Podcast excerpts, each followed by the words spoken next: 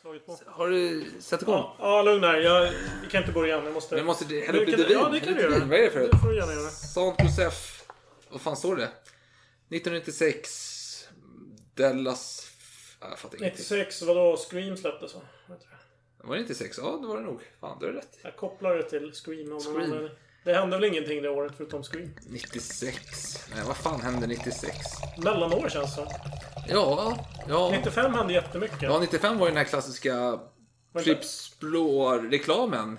Med Dina färger var blå. Den kom väl 95? Ja, sen var det väl säkert någon Disney-film. Kan det varit Aladdin eller någonting 95? Kan det stämma?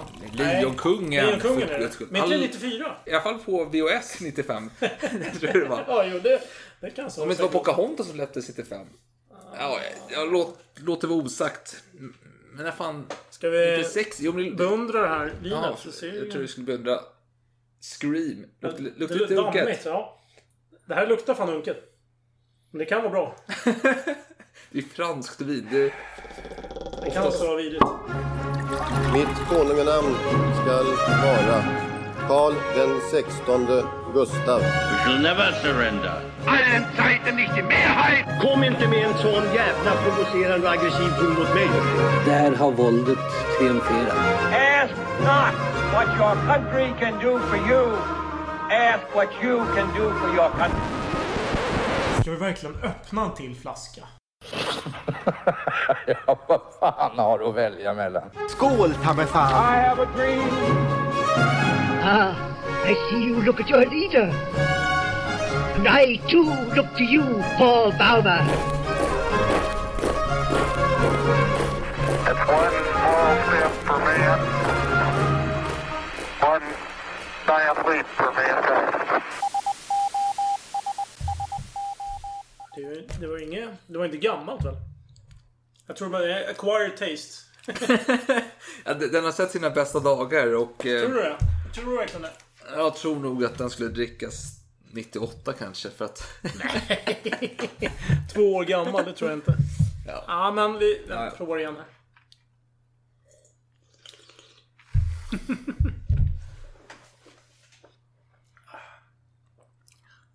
Nej, men alltså... Finishen kan man ju diskutera, men, men den första smaken är väl... Jag är skeptisk. Men det, det, är- det är kul att testa. Det är ingenting man bara sveper ett glas av sådär, rakt av. Det är ingenting man njuter utav ensam, men i sällskap är det alltid kul. Eh, om man säger så. Men du Alex, fan vad kul att se dig igen. Det var länge sedan. Du har varit borta i Frankrike kanske, misstänker jag? Ja, det vet du mycket väl att jag har varit. Ja, du tärat mig en massa bilder på, Och vin, ja, och på vinskåp och sådär. Ja, jo, jag vet, jag har varit i Frankrike.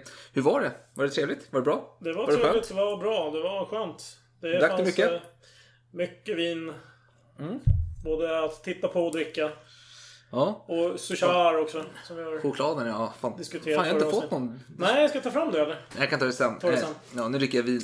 Men det är lite kul för det här avsnittet, vi, det vi spelar in, det är augusti, 2 augusti och det är höstväder utanför. Men det kommer väl släppas kanske i september tror jag. Det här avsnittet. Ja, ja, jag trodde du snackade om att det dåliga vädret skulle släppa i september. Nej, nej, nej. Titta på nej, det förfärat. Nej, nej. Jag, jag menar det här avsnittet. Så det är Ah, oktober kanske. september säger vi. Men, och det ska gudarna veta att detta är ett tjatavsnitt. Jag har fått tjata mig till att spela in det här avsnittet. För Alex, du kom ju hem i torsdags, var det så? Ja. Eh, det vet du bättre än jag, Ja, det jag som. vet. Jag vet faktiskt inte om det var onsdag Ja, och, och du har nu hävdat att du kan inte spela in idag eftersom att du måste leva nyttigt, du måste jobba, du måste ta hand om dig själv och så vidare. För du, du har varit utomlands så länge. Vit månad va? Ja, men, du, ja, men du har varit ute i tre veckor i Frankrike. Jag har varit ute på Mm. vingårdar och härjat. Och så kommer du hem och så vill du inte spela in och dricka massa vin och äta choklad här. Utan du vill ta det lugnt, få tillbaka din gamla fornstora form. Exakt. ja. Och då får jag fråga dig. Dagen efter du anländer, då träffade du vår gemensamma vän Thomas, heter han. Ni åt eh, pizza va? Och drack vin. Ja, men det var ju faktiskt mer eller mindre löfte som jag hade gett att jag får offra mig och göra det här. Ja, dagen därpå, lördagen, var du faktiskt så gymmande ska gudarna veta. Men sen gick du förbi Systembolaget och drack lite vin. Eh, inte på Systembolaget. Nej men du gick väl hem, du gick ju till systemet och köpte saker, så gick du ju hem och drack. Ja, men jag drack inte vin från systemet tror jag. Nej, nej men du köpte saker Ja, men man får ju fylla på förrådet lite. Ja, precis. lite öl. Ja, igår drack du lite champagne misstänker jag. Jo, det gjorde jag faktiskt. Ja, Precis.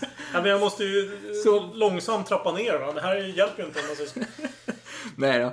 Men det är skönt att du fortfarande är i form. Dricker gärna. Och jag tänkte på det här, det är lite roligt här med Frankrike. För det är, jag märker när man pratar med folk, jag brukar hänvisa till dig som min lokale fransman. Och det finns ett visst skimmer över att ha en fransman i sitt liv. Om man tänker så här, all, men man känner en grek till exempel. Då tänker man lite, ja men kanske har en schysst olivolja, stränder, hår på bröstet, jagar fisk liksom med händerna, så här, sjöborrar liksom så här. Ja, italienare, ja men lite romantiskt med mycket olivolja, eh, lite vitlöksbröd kanske, någon, vet du, trattoria eller vad fan det heter som man sitter, lite, lite så här gemytligt, men det, är, ja, det är god mat man får liksom. Men säger du att du känner en fransman, ja men då är det lite exklusivt, lite elegans som kommer in i bilden med en fransman. Ja, härligt smicker. Ja, ja, det är bara en reflektion från verkligheten. Men du Alex, vi är här. Vi sitter här i, hemma hos dig första gången på evigheter. Eh, Vi dricker vin tillsammans, vi har trevligt. Vi ska prata om Sara Bernhardt. Jag ville bryta Sara, jag ville göra, vi tar någonting annat Alex. Vi tar inte mer Sara. Och du säger, fan heller, jag vill köra klart Sara. Så om ni har klagomål på att vi har så många avsnitt om Sara, då är det Alex ni ska vända er till och Ja, inte att vi klaga. har många avsnitt utan att vi har så många i rad. Ja. Då får ni skylla på mig. Så är det. Eh, Och eh, ja, vi ska väl ta vid där vi slutade ungefär. Men innan dess så har vi ju en lek att avhandla.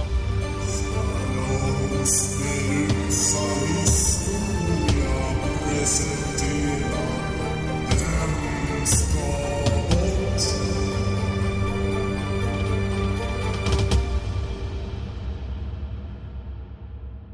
du beredd? Jag är beredd. Första namnet. Tord Grip. Mm. Ludvig den XIVs trakasserier av hugenotterna år 1681. Är andra namnet. Tredje namnet.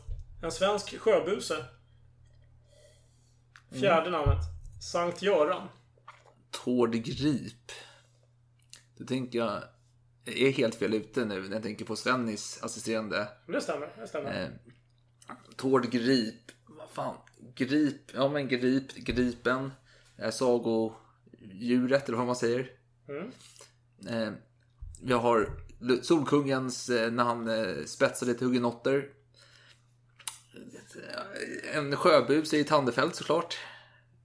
Antar jag. Ja, det kan vara det. Jag, jag, jag, jag försöker inte... Sankt Göran och draken då. Han spöade på en drake. Någonting på att spöa på här. Så Tord Grip, vad spöade han på? Ja, det är väl en ganska bra karriär förvisso, men... Fan, jag tänker... Solkungen. Han spöade... Alltså, han kan väl ses som en frälsare mot de hemska hugenotterna. Om man är lagd åt det hållet då, att säga att hugenotter är hemska. Eh, det, det står för Ludvig. Ja, hans mor. Ja, precis. Fan, Tandefält. Han spöade ju på färsen tyvärr alltså. Tord, Grip, Grip, Gripsholms slott. Bogrip. Ja, vad fan. Gripsholms slott. versen var mycket på Gripsholms slott eh, i och med Gustav IIIs eh, att han hade sina teaterföreställningar där ute. Men vad fan, Solkungen har inget Gripsholms slott. Eh, Tandfält var jag aldrig där. Det är en sak som är säkert. Den jävla busen. Ja, fy fan för honom. Jag känner mig helt borta faktiskt. Eh, Tor Grip var ju Svennis högra hand. Vad hade Solkungen i sin högra hand? ja, det kan jag inte veta. eh, Det beror på vilken typ av dygnet vi pratar om. Mm. Sagodjuret, Grip, Solkungen, något med sagodjur, nej. Sankt Göran och draken, ja drake är sagodjur. Tandefält är inget sagodjur tyvärr. Åh, nej, fan är full. Jag tänkte att Ludvig Solkungens kamp mot hugenotterna var sagolik, men det finns inget som ska bort. Jo, ja, ja, där fick vi den. Ja, men den funkar ju. Va? Vilka- Tandefält ska bort. Tan- Du menar en svensk sjöbuse ska bort? Ja. Fel. Nähä, jaha. Det är Tord Grip som ska bort. Men gud, alltså, jag tänkte så här, nu, den ska vara kvar för den är så off liksom. Den är off, men eh, det finns en poäng med att den eh, är ett val, ett alternativ. Du, får ju, du har ju fortfarande möjlighet att få fem poäng. Ja, men jag vet inte vad som kopplar ihop en svensk sjöbuse med Solkungens krig mot hugenotterna och Sankt Göran. Nej, det är lite svårt. Det. och draken. Men jag tror att du har varit inne på, ja, i närheten och sniffat. Ja, nej, skulle jag ger upp faktiskt. Jag, Men jag tror att du- jag kastar in handduken. Du gjorde en eh, deduktion som tyvärr fäller dig. Ja, vad är det då? Berätta. Eh, Ja, jag, jag drar ner maxpoängen nu då. Du kan Ja. få max tre poäng efter att Nej, du har nej, nej, nej, nej, nej, nej, nej, jag, jag får noll. Okej, okej. Nej, men Svensk Sjöbuse var ju inte Tandefelt. Jaha. Utan det var Gustav Drake. Ja, ja, ja, vad fan. Tandefelt var ju lite mer finsk kan man väl säga. Så, fast men han- ja. ja. svensk-finsk. Sjömanskläder. Ja, jo, jag, jag förstår att du gör den kopplingen. Ja. Men Ja, men drake, vad fan. Men Nu, Och- nu och skäms jag. Och vad, vad kommer du fram till nu då? Om vi har den. Vad fan blir Solkungen och drake då? Nej, alltså det här var ju eh, ordagrant då. Ludvig den XIVs trakasserier av hugenotterna år 1681. Det hade ett namn, det- just de här trakasserierna. Jaha, vad Vi, var och vi det? har eh, diskuterat det någon gång, men det är inte lätt att komma ihåg. Nej. Men Nej, jag det- kan berätta. Ja. Dragonaderna. Ja, vad fan. Såklart. Och du var ju inne på Sankt Göran. Han är ju känd för eh, Draken. Sankt Göran och Ja. draken. Han ska då ha räddat en stad eller en jungfru från en hotfull drake då, sägs det. Ja. Så att eh, drake var eh, det sammankopplande. Fan, att och det- grip är ett annat fabelddjur. Ja. Men det är ju inte drake. Det är ju en hälften örn och hälften lejon. Att, nej men det där var, den var bra faktiskt. Därför är jag mig själv lite, vad säger man? Jag får vara självkritisk här, att jag fastnade vid Tandefelt. Ja, men det var det som fällde dig. För du var ju inne på rätt eh, koncept i alla fall. Ja, Dragonaderna, fan.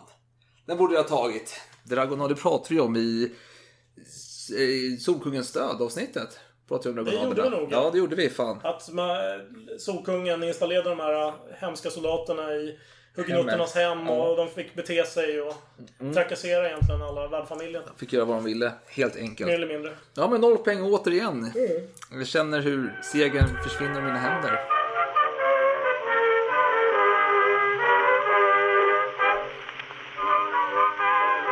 Jag, jag kunde inte vara för... Nej, nej, nej. Alltså jag måste tänka mer berättande än fashion hela tiden. Det är bara så. Jag, jag tar åt mig kritiken. Ja, men ska vi fortsätta avsnittet Alex? Eller följetongen rättare sagt, om Sara Bernhardt. Ja, och du får faktiskt fylla i mina luckor här för att jag känner att vi eh, red in i dimman där i slutet av förra avsnittet. Vad gjorde vi fan vi alltså. pratade om eh, att eh, hon gjorde en succé i Fedr. Mm. Som var en pjäs av Racine. Mm. Och vad sa vi mer? Vi snackade om... Nej, jag vet inte fan. Vi slutar ju väl där någonstans. Jag minns faktiskt inte. Jag, jag brukar inte lyssna på avsnitten i efterhand heller. Så. det är möjligt att jag kanske repeterar lite grann. Men jag tror ändå att det här är nya detaljer som vi inte har pratat om Ja, tidigare. ja, ja, ja. Kör, kör, kör. Eh, Så jag tänker att vi kör på. Jag vet att vi nämnde att systern dog där, Ja, Regina. ja, ja. ja. Regin. Regin. Ja. Ja, Fransk man ska det vara. För svenska. Exakt. Eh, och vi pratade också om att Sara höll på lite med skulpturer och sådär. Mm. Och hon höll tydligen på att skulptera sin syster där. När tyvärr att hon tragiskt avled och eh, den här statyn blev klar ett halvår senare då. Mm.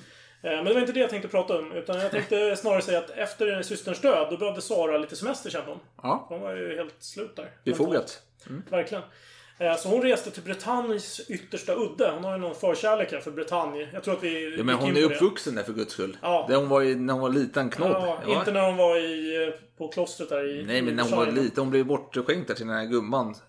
Eller bortskänkt, men hon bodde hos... Eh, När hennes mamma var borta på sina resor så bodde hon hos någon. Mm. Just det, så var det ja. Precis. Det är bra att kvinna. du friskar upp allas våra minnen. Åh, gud. Eh, Men i alla fall. Nu var det så att hon reste till Bretagnes yttersta udde. Som heter Pointe du Rat. Mm. Eh, tillsammans med hushållerskan. Har du varit här? Nej, jag har inte. Har du det? Nej, fan. Nej, det är, det är långt åt helvete. Långt ifrån platser som jag brukar åka till. Eh, Men i alla fall, det är alltså nordvästra Frankrike. I hörnet där. Ja. Eh, Hon åkte dit tillsammans med hushållerskan och sin son. Och eh, hon fördrev dagarna med att måla. Hon var ju liksom en allkonstnär vid det här laget. Ja. Uppenbarligen. I alla fall Ja. enligt självbiografin. Ja. Hon tog sig ner till någon bukt. Där hon badade och började måla. Och så höll hon på med det hela vägen fram till solnedgången. Alltså, hon var ju helt besatt där av konst. Och första dagen som hon var där, då var det helt tomt på folk. Eh, Nästa dag när hon skulle måla igen då, då dök det upp ett nyfiket barn. Och då tänkte jag, jaha, ja, det var trevligt med barn kanske. Eh, Men eh, dagen därpå då kom det tio barn. Och då börjar de tigga pengar också. Så nu får man ju dåliga vibbar. Vi som har varit utomlands vet ju hur det här går till. Eller, jag har råkat ut för det här. Alltså utanför I. Indien menar du alltså? Ja, bland annat. Eh, och Sara, hon ville inte vara liksom... Eh, vad ska man säga? Hon var ingen skitstövel. Hon gav dem lite pengar. Eller ja, skitstövel. Jag skulle inte ge dem pengar men... Eller vänta, vi tar om det. Eh, så... Sara var ju en generös själ, kanske. Eh, kan man väl säga. Eller så ville hon bara bli, bli av med barnen här då. Så hon gav dem lite pengar. Och tyvärr då, dagen efter, då dök det upp 20-30 stycken barn i alla möjliga åldrar. Till och med uppemot 18 år. Ja. Eh, och det här fick hon ju börja få dåliga vibbar. Att står, vad fan är det som händer? Men hon höll god eh, min och eh, hon höll på att måla då. Så fick hon syn på någonting, något skräp eller någonting som var i vägen för hennes... Eh, eh, vad, vad säger man? Det, Staffli? det, nej, men det man målar. Alltså motivet. Ja. Tänker jag. Ja, Att, okej. ja, det står en... Fan vet jag, en soptunna där. Jag ville liksom... Helt jag, plötsligt. Ja. Ja, kan, kan ta bort den. Den stör mig liksom. Den Ja. stör min koncentration. Så hon bad eh, ett av de här barnen att ta bort det. För det här var ju klassamhälle. Alltså, det, ja, barnen ja. är ju springpojkar. De ska springa runt och ta bort Ja, saker. Eh, Så då gjorde ett av barnen det då. Och kastade det i havet. För det var det man gjorde på den tiden. Man, stoppade inte in, man, man slängde inte skräp i papperskorgar utan man kastade saker i havet. Eh, Och hon gav därefter då barnet lite pengar. Och nästa dag. Nu, nu snackar vi om att det var 20-30 barn här. Ja. Nästa dag. Då hade hela grannbyn gått dit. Och de hade skitit överallt. Alltså de hade eh, fekalier över hela stranden. Eh, och så fort som Sara dök upp så erbjöd de sig mot betalning att ta bort den här skiten då, som de själva har skapat. Och Sara var ju inte så glad. Och hon vägrade. Hon bussade sina tjänare på dem för att skingra dem. Men då började de istället kasta sten. Så Sara riktade en pistol i deras håll. Och då flydde de skrikandes okvädesord. Och då var det två mindre pojkar som stannade kvar. Men eh, det störde inte Sara tillräckligt mycket så hon ignorerade dem. Eh, då- då, då började hon och hennes hushållerska gå ner för en klippa medan hennes tjänare höll utkik då, så att inte de här unga slynglarna skulle få för sig att komma tillbaka. Eh, och de här två pojkarna de följde på något sätt efter. Det kändes Ja. som att de var som hack i häl på något sätt. Och efter en eh, stund av tystnad och ja, så här, trevlig paus liksom. Så skrek hushållerskan till och, och skrek så här. Fasor madam! Fasor! Det kastar löss på oss! Eh, och då var det tydligen så att eh, de här två pojkarna hade tillbringat den här stunden med att samla ihop ohyra för att kasta eh, ner på Sara och hennes hushållerska. Som hade varit där nedanför den här ravinen då, eller vad det var. Och då kanske du undrar vad som hände med de här pojkarna. Hoppas de blev skjutna. Ja, kanske. Det vore klimax, Kanske faktiskt. För Sara skriver i biografin att hon lät fånga in dem och så fick de en citat välförtjänt korrektion. Så det är väl... Bly i skallen. Ja. Ja. Kan, kan vara en eh, korrekt tolkning. Åh, gud vad härligt. Ja. Så var hon klar med sin härliga semester där då. Mm. Eh, och faktum är att eh, på den här platsen så finns det en naturlig sittplats eh, i berget. Som ska ha fått sitt namn efter Sara Bernard under hennes levnadstid. Den kallades för Sara Bernards fåtölj. Ja. För tydligen hade hon eh, suttit i den eh, flera dagar där på sin semester. Jag vet inte om hon fotograferade på något sätt. Men det blev populärt i alla fall att eh, för turister som var i området fotografera sig på den här sitsen. Jag har ju sett en del bilder, det har du också. Ja. Men med tanke på att hon är bra på att kapitalisera på sådana här saker så är det inte helt oväntat. De kanske får royalty för det, vad vet jag. Men, Nej, men att hon tar dit en fotograf och tar en bild där. Och... Ja, säkert. Eh, jag tänker lite på prinsessan Diana. Hon hade ju någon bänk utanför Taj Mahal som blev en så här turistattraktion på något Ja. sätt. Hon har suttit där. Ja. Nej men det finns en klassisk bild där hon sitter ensam Mm. framför Taj Mahal och då har alla kopplat det till eh, att hon blev försummad av eh, prins Charles. Och, Ja, ja, okej. och sen har, ja men det, det är en hel grej. Ja, det, är, det är en stor grej. Helt säkert. Ja, det är det för att googla på. Ja, det är jag känt. Okej. Men du, fan det här vinet blev lite bättre med tiden Eller hur? faktiskt. Visst är det så? Förresten, vi glömde säga det. Välkomna till Salongsrusad historia. Avsnitt 69. Nio. Det, ja. Ja, fortsätt. Var var du någonstans i historien? Jag var vid eh, semestern där. Ja. Eh, fortfarande 1873 då. Ja. Eh, mot slutet av året så hade de bestämt sig för att sätta upp Fedra. Fedra. Fedr. Fedra. Alltså, men jag kör den svenska, latinska titeln här. Fedra. Grekiska. Men du sa ju förra när du Okej pratade om det tidigare sa du Fedra. Så Du det är lite Fedra, men vad fan. inkonsekvens här. Ja, fast jag, jag vill gärna hålla mig till originalnamn och sådär. Alltså, Ja, och det är men, men i original är ju Fedra. Ja, Ja. på sätt och vis. Men det är ändå en antik grekisk pjäs. Och då ska man kanske tala grekiska. Eh, Vad vet jag. Eh, skitsamma. Eh, Pretentiöst. Ja. I alla fall, jag, jag tror jag nämnde, eller jag tror jag pratade om att hon hade fått en roll där och gjorde succé i, i just den här pjäsen. Men som jag har förstått i efterhand, eh, inte från hennes biografi då, så hade hon en mindre roll i samma pjäs just år 1873. Så att det var nog så. Det är någonting som hon helt enkelt inte nämner i biografin, tror jag. ja. Eller så har jag bara slarvat här och Har du missat, missat det? det. Ja, nej, jag Vad vet. jag. Men i alla fall, nu handlar det om huvudrollen helt plötsligt. Nu Ja. ska Sara spela huvudrollen Ja, eh, ja, i ja. pjäsen med samma namn. Och eh, bara för att kort säga vad pjäsen handlar om, för det kan alltid vara trevligt att veta det.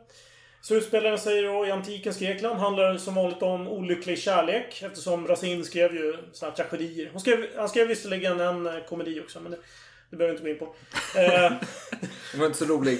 nja, nej. Men, men, men rätt mig om jag har fel. Men den här pjäsen. Gjorde inte Rachel den? Eh, Tidigare. jo, men det kommer vi till. Ja, okej, förlåt. Jag Eh. hoppade lite i förväg här. Ja. Eh, nej men det handlar om olycklig kärlek. Fedra är förälskad i sin styvson Hippolytos. Ja, det är mitt försök till grekiska där. Det är den andra stora rollen i den här pjäsen. Och Sara påstod sig ha researchat den här rollen på fritiden för sitt eget nöje. Påstår hon då i biografin. Eh, Men säger sig vara skräckslagen inför uppgiften att spela denna roll. Som hon då blir tillfrågad av eh, Perrin, den här teaterchefen. Precis, på Comédie Française då. Precis. Inte Felix. eh, Nej, inte Felix. Han var ju från Odeon-teatern. Precis. Eh, Och en annan skådespelerska skulle normalt sett ta det här uppdraget. Men hon var just nu ute i kylan. Ni vet ju att Perrin är ju den här auktoritära gubben som inte gillar när någon tja- tjafsar med honom. Nej, nej. Och eh, just den här skådespelerskan hade ställt krav på att hon skulle bli en sån här societé-medlem. Ja. Och det var man inte villig... Man, man tog inte skit. Man sa bara, ja men... Du får vänta på din tur liksom. Du, du kan inte komma här och ställa krav och hålla på och hota. Eh, så då satte de, man dit henne då helt enkelt genom att erbjuda Sara rollen. Ja. Och det var i december som premiären eh, gick då för den här pjäsen. Och det var en stor succé. Eh, En artikel av litteraturkritiken Paul de Saint-Victor, en god vän då till den legendariska skådespelerskan Raquel, som du nämnde.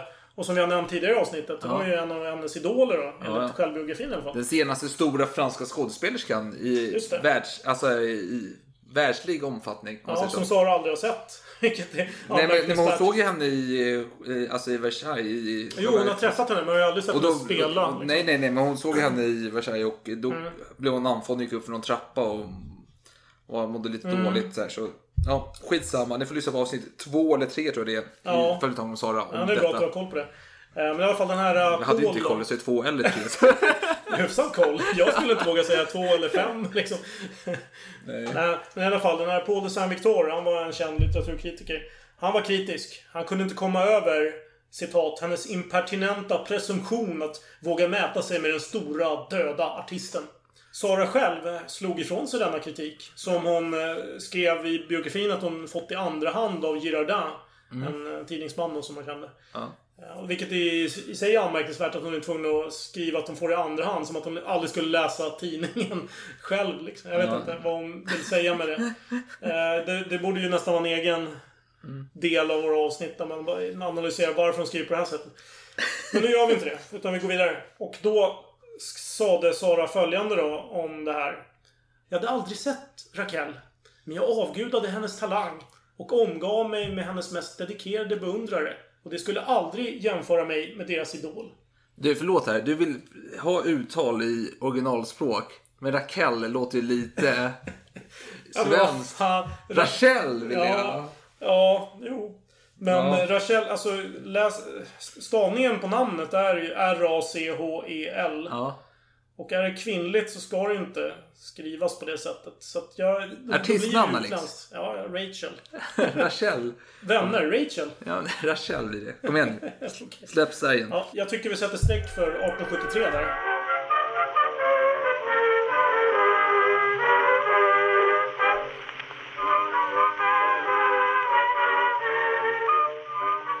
I alla fall, nästa år här.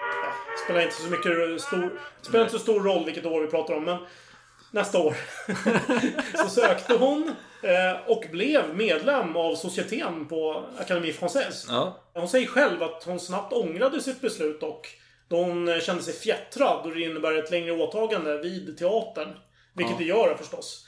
Så att det, I biografin låter det som att det är andra som har liksom gjort påtryckningar för att hon ska bli societetsmedlem. Det där tror jag inte på. Jag tror att det fanns säkert stora ekonomiska eh, incitament. Precis. Och det finns en högre titel som kommer till lite senare. Mm. Men där man även får en eh, pension då. Mm. eh, Efter eh, verksam... Alltså när man har slutat Mm. sin verksamhet så får Mm. fortfarande en pension från Comédie Française. Just det. Eh, Men så det finns ju klart ekonomiska fördelar med att vara en societetsdam i Så där Comédie känns, där känns tillrättalagt helt enkelt. Att hon Ja, tycker att... ödmjukt. Åh, direkt så... Ödmjukt, Ångrar hon ödmjukt. det. Åh, vad hemskt nu. Nu kan jag inte göra någonting annat. Ingen frihet. Och hon skriver nästan... Jag får känslan av att hon skriver att hon tappar suget efter det här. Ja, just för teaterskådespelandet. Ja, för hon är konstnär nu. Hon är, så, hon är så jävla svår. Hon hänger på Ja, Söder skulpturer och dricker fulrödvin och röker någon så här cigarrfimpar och målar svår jävla konst och ser besvärad ut. Ja, jo, jag vet, jag Vem fan förstår. röker cigarrfimp? Eller vad sa du? är, det, är, det, är det de gör, hipstersna? Ja, det är konstnärs. Vet, de har inte råd att köpa hela Mm. cigaretter så de tar plockar fimpar i askkoppar. Ja, jo, jo, förvisso. Tack vare eh, skådespelaryrket. Jag får känslan i alla fall att hon tappade suget i och med detta. Och inte gjorde så många föreställningar mer detta år egentligen. Och eh, de bästa rollerna gick ju fortsättningsvis då till Croisette som vi nämnde i förra avsnittet. Som hade var- ihop det med, med Perrin då, som var Precis. chefen på... Kommer ni förstå? Nu vill jag hoppa in här, förlåt att jag stör Alex. Men, jag glömde säga det- detta förra avsnittet, så därför är jag väldigt mån om att säga det i detta avsnitt. Monet. Monet. Monet. Monet. Monet. Monet. Sully kan vi kalla honom för. Monet Sul- Sully. Han, han heter Monet Sully. Sully. Ja. Monet Sully. Sully, Sully, Sully. Jag glömde säga det. Han påstås vara, kalvinisten var han ju också, men han påstås vara älskare till den svenska Kristina Nilsson. Jaha, ser man. Där ser man. Så nu fick jag det sagt. Men Så hon är alltså buksvägerska? Är Med, med? Sara? Ja, ja för fan. Så är det. Eventuellt. En ryktet i alla fall. Men det vill säga så här att eh, du nämnde ju precis att hon drog ner lite på skådespelarambitionerna enligt sig själv. Och eh, ja, hon fick en ny lärare inom konsten. Gustave Doré. Som, eh, ja, till Sally eh, stora besvikelse blev Saras älskare också. Och Doré var då en rik 40-årig hederslegionär, konstnär, hade många strängar på sin lyra om man säger så. Och Saras brev till honom följer samma mönster. Att hon älskar honom, hon är tillgiven honom och han är allt och hon har sökt kärlek så länge och nu har hon funnit det i honom. Och när hon inte orkar gå till honom så skyller hon på att hon har ont i huvudet och hennes unge är sjuk och så här. Ja, samma sak. Samma rutin som Samma rutin. med O. Sullivan och... Eller vad fan Sullivan, det är värsta. Ja. Sally. Nej, Sally. men jag tänker på den här irländaren. Ja, O'Connor. Ja, Connor. Arthur O'Connor. Ja, jo precis. Men det var ju Sally här var, också samma mönster. Så Ja, det är samma. De är det, det går igen. Men Gustav Doré, han, han blev inte arg utav detta. Han bara, ja, Han var som bankiren. ja, han håller sig, ja precis. Han såg väldigt kallt på det hela. precis. Men en dag, Garnier då, arkitekten, han har gjort eh, Parisoperan, Garnier-operan i Paris. Och han ska nu uppföra ett kasino och teater i Monte Carlo. Fan vad kul! Och han hörde av sig till Sara och sa så här, men du, eh, kan inte du utnyttja din relation till Gustave Doré då och be honom utföra en skulptur till fasaden på det här nya bygget i Monte Carlo, kasinot. Så teater. var skulptör. och Ja, det har vi inte ja. nämnt. Nej, men han var ju allkonstnär så jag. Så han Ja, höll ja, på med han är som Sara. Ja, men han höll främst på med träskulpturer ska dock Mm, tilläggas. Men eh, och eh, som tack för hjälpen skulle även Sara då kunna tänkas få göra en skulptur till fasaden på kasinot i Monte- Carlo tillsammans med Gustavo Doré. då. Och Sara, vad tror du hon säger? Säger hon nej tack eller ja tack? Han frågar hur mycket får jag? Nej, hon säger ja tack, självklart. Jag, jag gör mitt bästa. Så hon eh, lägger på luren, höll jag på att säga, men hon eh, kontaktar Doré direkt och säger då, eh, eller hon skrev ett brev där hon skrev så här då. Min vän, jag har blivit ålagd ett diplomatiskt uppdrag. Jag ska gå rakt på sak. Så här ligger det till. Garnier bygger en stor teater i Monte Carlo. Och det var så här teater, opera, huset hörde ihop med kasinot då. Det ska vara ett par skulpturgrupper på fasaden. Han har bett mig att göra en av dem och har sagt till mig att han har stora förhoppningar av att du vill göra den andra. Men han är rädd att du ska tacka nej. Kan det verkligen vara sant min kära vän att du inte skulle vilja ha mig som partner? Detta skulle göra mig så stolt. Ja, hon spelar på vissa strängar här på Ja, jo. Therese lyra. Och eh, så fortsätter hon så här. Sänd ett snabbt svar till din vän som älskar dig med hela hennes hjärta. Säg genast om Garnier vågar närma sig dig utan risk att bli avvisad av ers höghet. Då är väl lite smått skeptisk. Förvisso frestad, men skeptisk. Eh, han vill inte associeras med amatörer. Om det är Nej. Sara som är amatör eller om han själv som är amatör. Det är, det, det Han blir inte associerad med sig själv. det- Nej, men han, han, han, han har ju inte hållit på så mycket med skulpturer, alltså stenskulptur. Han är, han är mer Jaha. träskulptur. Så det kan vara den tolkningen. Eller det kan vara att Sara är en up and coming skulptress eller vad man kallar det för. Ja, Ja. jo. Men Mm. Sara, vad gör hon då? Hon tar saken i egna händer. Eh, och hon läckte till pressen då att både hon och Doré skulle bidra med skulpturer på byggnaden. Och eh, blev rasande. Han konfronterar Sara och frågar vad fan, vad gör du liksom? Varför läcker du detta för? Jag har inte sagt ja till detta. Och Sara svarar då, min älskade mästare. Du vet mycket väl att nyhetstidningarna hittar på historier och alltid får allt om bakfoten. Det är bara lögner. Jag skulle väl aldrig göra något utan att låta dig veta i förhand. Jag älskar dig så mycket. Och Doré tackade då ja till slut, efter mycket om och men. Så jag lätt manipulerad. Ja, så, så de hade sina skulpturer på fasaden och efter det det blev en framgång på detta. Sara blev då inspirerad utav att eh, den här fasadskulpturen hon fick göra på Monte Carlo Casinot. Så hon började påbörja ett annat arbete som hette Aprella Tompet.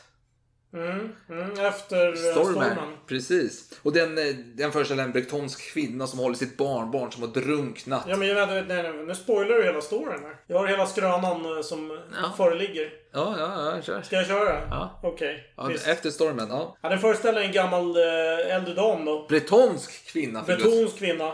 Och sen några barn. Barnbarn som hon håller i famnen. Det är en Ja, ja, ja, eh, ungefär fast eh, Jo men exakt. en drunknat en sämre version av Pietà. Men storyn är bra. Så att jag, eller ja, Ja. bra. Vi, låt mig berätta den. Ja. Eh, Mindre fokus på konsten. För det kan ni alla googla på själva.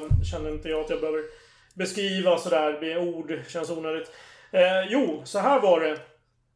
Eh, hon, som jag berättade i början av avsnittet, var hon ju på semester i Bretagne. Ja. Nu vet jag inte om det var just då som hon fick höra om detta. Men hon berättar i alla fall själv att hon hade sett en gammal dam då. Eh, på stranden där. Och eh, någon gång fick för sig att eh, söka upp henne och prata med henne. Men sen i sista stund när hon hade sett henne så hade hon varit så orolig för att hon såg galen ut. Så hon hade bara sprungit därifrån.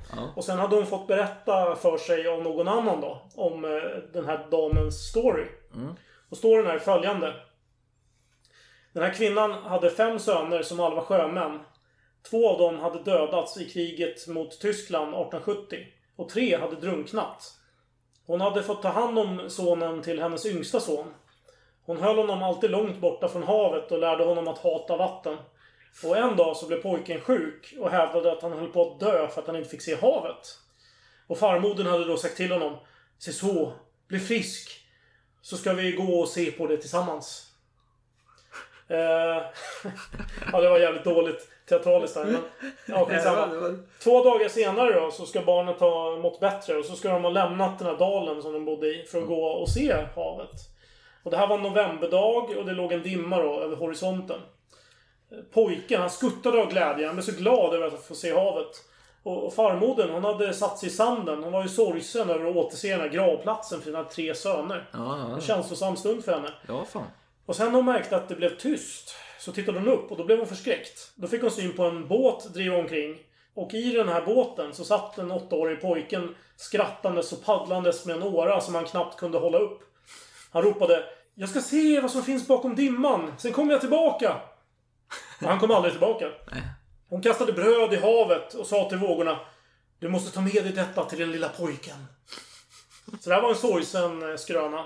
Men den här um, skulpturen hon gjorde då, som påminner väldigt mycket om Michelangelos eh, Pietà. Pietà, tack. Och eh, den blev ju en stor succé bland allmänheten. Ska jag berätta lite mer om, om, en, om eh, processen för hur hon fick till det där. När hon skulpterade. Ja, ja, jag kör. Det var nämligen så att hon hade hittat någon gammal tant. Som var otroligt eh, spinkig. Hon hade så här eh, väldigt tydliga ben som syntes och sådär. Och Sara var ju helt till sig. Bara, oh, vad härligt. Hon hade ju precis studerat anatomi då. Inför de här eh, skulpturerna. Säkert som Michelangelo gjorde också. Jo, med, han- med dis- dissekeringen och eh, vad- heter Jo, det? jo. Det som vi pratade om i det avsnittet. Ja, han hade lite mer detaljer ska tilläggas. Ja, jo visst. Men det här var ett bra exemplar tyckte Ja. Sara. Hon bara Ja. yes! Jackpot. Riktigt benig. Men den här gamla tanten, hon hade inte några bra fötter eller händer. så, så att de blev aldrig klara där till en början. Nej. Så hon var ju nästan klar med sin skulptur, men de saknades de här händerna och fötterna. Men sen hade hon någon bekant då, så jag kommer inte ihåg vad han hette. Det var någon längre karl i alla fall. Som var väldigt eh, smal. Och eh, han hade tydligen eh, bra händer och fötter. Så hon frågade bara Snälla kan inte du få bli den här gamla tantens händer och fötter? Och då hade han bara skrockat liksom. Ja, visst, visst. Ja, ja, det är. Ställde han upp på det. Ja. Ja, men denna skulptur då blev en stor succé bland allmänheten och ställdes även ut i Paris Salon 1875 eller om det var 76. Eh, Jag minns faktiskt inte. Men jag, du får rätta mig om jag har fel du som är frankofil. Men Paris Salon, var inte det i Louvren? Man, att det var en speciell sal, kungasal där som man hade utställning i. I alla fall var det så på Solkungens tid, men det kan ha ändrats sedan dess. Det var ju bara några hundra år tidigare. Precis. Det kan säkert ha ändrats fram och tillbaka. Ja. Jag Men, inte säga något om det. men den franska skulptören Rodin Auguste Rodin. Auguste En- Rodin. en extremt ja, stor... Rodin. Den, Nej men han, han gjorde ju tänkaren för guds skull. ja, men vänta nu. Han menar att denna var skit. Han tyckte det var värdelös. Ja, han tyckte- var ju- han är den sämsta. Rodin, den bästa, den Rodin. bästa. Nej, alltså vad fan har han gjort? Han klagar på den här. Det, det, det är inte ett mästerverk det har gjort, men den är fin, den är vacker att titta på. Men Rodin, vad fan har han gjort? gjort vad fan? Tänkaren är det fulaste som finns. Ett jävla granitblock. En treåring på en förskola har ju mer detaljer i sin teckning än vad han har på den här jävla tänkaren. 1800-talets största skulptör. Den sämsta också. Så totalt Han är, han vet vad han är. Han är skulptur, skulptörernas motsvarighet till Schönbergs tolvtonsmusik och den jävla Gert Wingårds eh, fula betongbyggnader idag. Bedrövlig jävla konst. Och han har fräckheten att klaga på Sara och tycka att den är vidrig och eh, Ja, gammalmodig. Jo, Men han tyckte att den var, ja, han tyckte att den var gammaldags skräp sa han. Men äh, det, det var så att eh, hon fick eh, beröm för den här skulpturen. Fick hon av många, alltså eh, kritiker.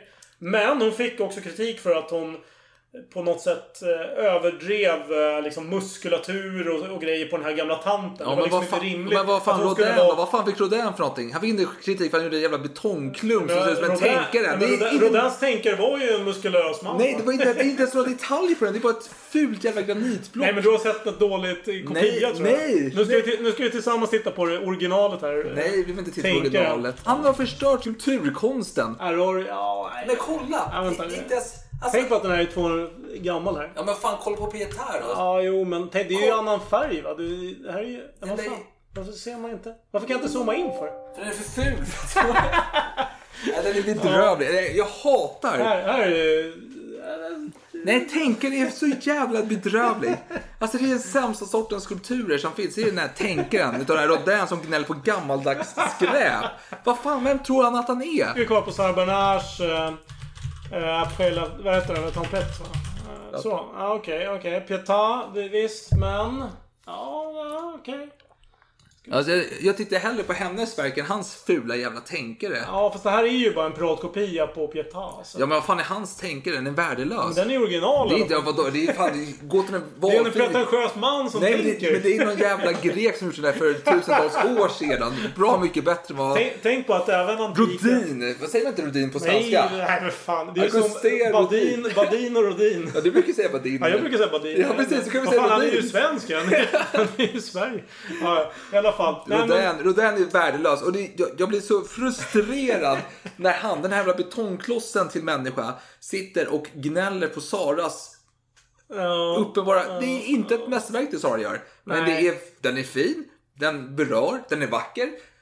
Tänk, den- Tänkaren har ingenting. Den har ingenting. Tänkaren har ingenting. Fast den här sak... Jo, den är original. Det här saknar Vadå original? Fan, fan, kolla på antik konst så är det bara massa jävla tänkare som sitter där. Det är, Det här, det här är en unik på som han har det uppfunnit. det en man sitter med huvudet i, i hand, hand, vet du, handvecket. Eller vad säger man? Ja, men det roliga är att många, tänker, många, oj, vad- Även Michelangelo, han... Ja, för sig, nu, nu försvarar jag nästan Sara här. Men han... De stal ju liksom eh, de, detaljer från äldre eh, konstverk. men Michelangelo, men Michelangelo har ju speciell, alltså här, där har vi kvalitet på hans Ja, jo, verk. jo, Det är ju, ja. ja, men det, vi, vi är eniga om att Pietà håller många högre... Ja, och vi, har, klasser vi, än- vi är överens om att Rodin är brutalistisk modernist. Nej, brut, nej, det här kan vi inte säga brutalistisk, eller? Tänker ni det ihop? Det är bara ett jävla... Det finns inga detaljer alls. Ja, men då hade ju bara... Då hade ju inte ens varit... Då hade vi inte ens sett att det är en människa. Men, men det, det blir nöd och näppe att man säger att det är en människa. Alltså, det är ändå detaljer. det är inga detaljer. Det är lite biceps och det man ser liksom. Ja, det är en skarp kritik här. Men här ser man ju... Där är ju muskulatur, va? eh, Jag hatar tolvtonsmusik, jag hatar Rodin och jag hatar betongbyggnader. Modernistiska byggnader. Ja, jo, Så har jag fått det sagt. Nu går vi vidare. Victor Hugo och Sara, släpp det där nu Alex. Vi går vidare, vi går vidare, vidare. Victor Hugo, författaren till Ringen till Notre Dame, Quasimodo och kompani. Han och Sara, hade de ett barn tillsammans? Eller försökte de få ett barn tillsammans? Vem vet? Jag vet inte. Men Victor Hugo ska i alla fall ha skrivit i sin dagbok eller journal 1875 att det kommer inte bli något barn. Jaha. Och tydligen ska då Sara Bernhardt ha skrivit ett brev till sin läkare om en Englandsresa som blev inställd. Hon skrev då följande. Den riktiga orsaken är rädsla för att det kommer bli problem med Victor Hugo. Jag mår fortfarande dåligt och mina nerver är på gränsen. Mänsklighetens egoistiska dumhet irriterar mig. Jag ska göra ett nytt försök imorgon. Och då, då är det några som har, eh, teoris, eh, som har funderat kring detta då. Vad betyder det här jag ska göra ett nytt försök imorgon? Är det att hon ska göra abort? Eller är det att hon ska försöka bli med barn? Eller åka till England, eller... vad- Ja, men det är lite obekräftat. Så det finns ändå ett rykte här. Eller eh, rykte. Det finns en teori om att de kan ha försökt få barn. Eller blivit av med ett barn. Äh, inte vilja ha barn. Men det skulle såklart att bära Victor Hugos barn under 1800-talet senare hälft när man är i den branschen. Det ger väl lite status kanske. Vad vet jag? Ja. Hon var ju inte främmande att uh, kyssa Hugo i alla fall. Var på Nej, den nej, nej, där, nej, och- nej. Ville hon ju ha både före och efter. Ja, så det, det, det finns ju möjligheter i alla fall. Men Sara jobbar i alla fall på i Paris. Hon börjar även få ett rykte om sig utomlands. Så nu börjar hon även dyka upp i ut, utländsk press. I nyheter. I Sverige börjar man skriva om honom, henne. Eh, Ja, för sig kanske är mer 76 än 75 då. Men Frågan är om man skriver ännu mer om Crosette då. Med tanke på att hon har de större rollerna hela tiden. nej.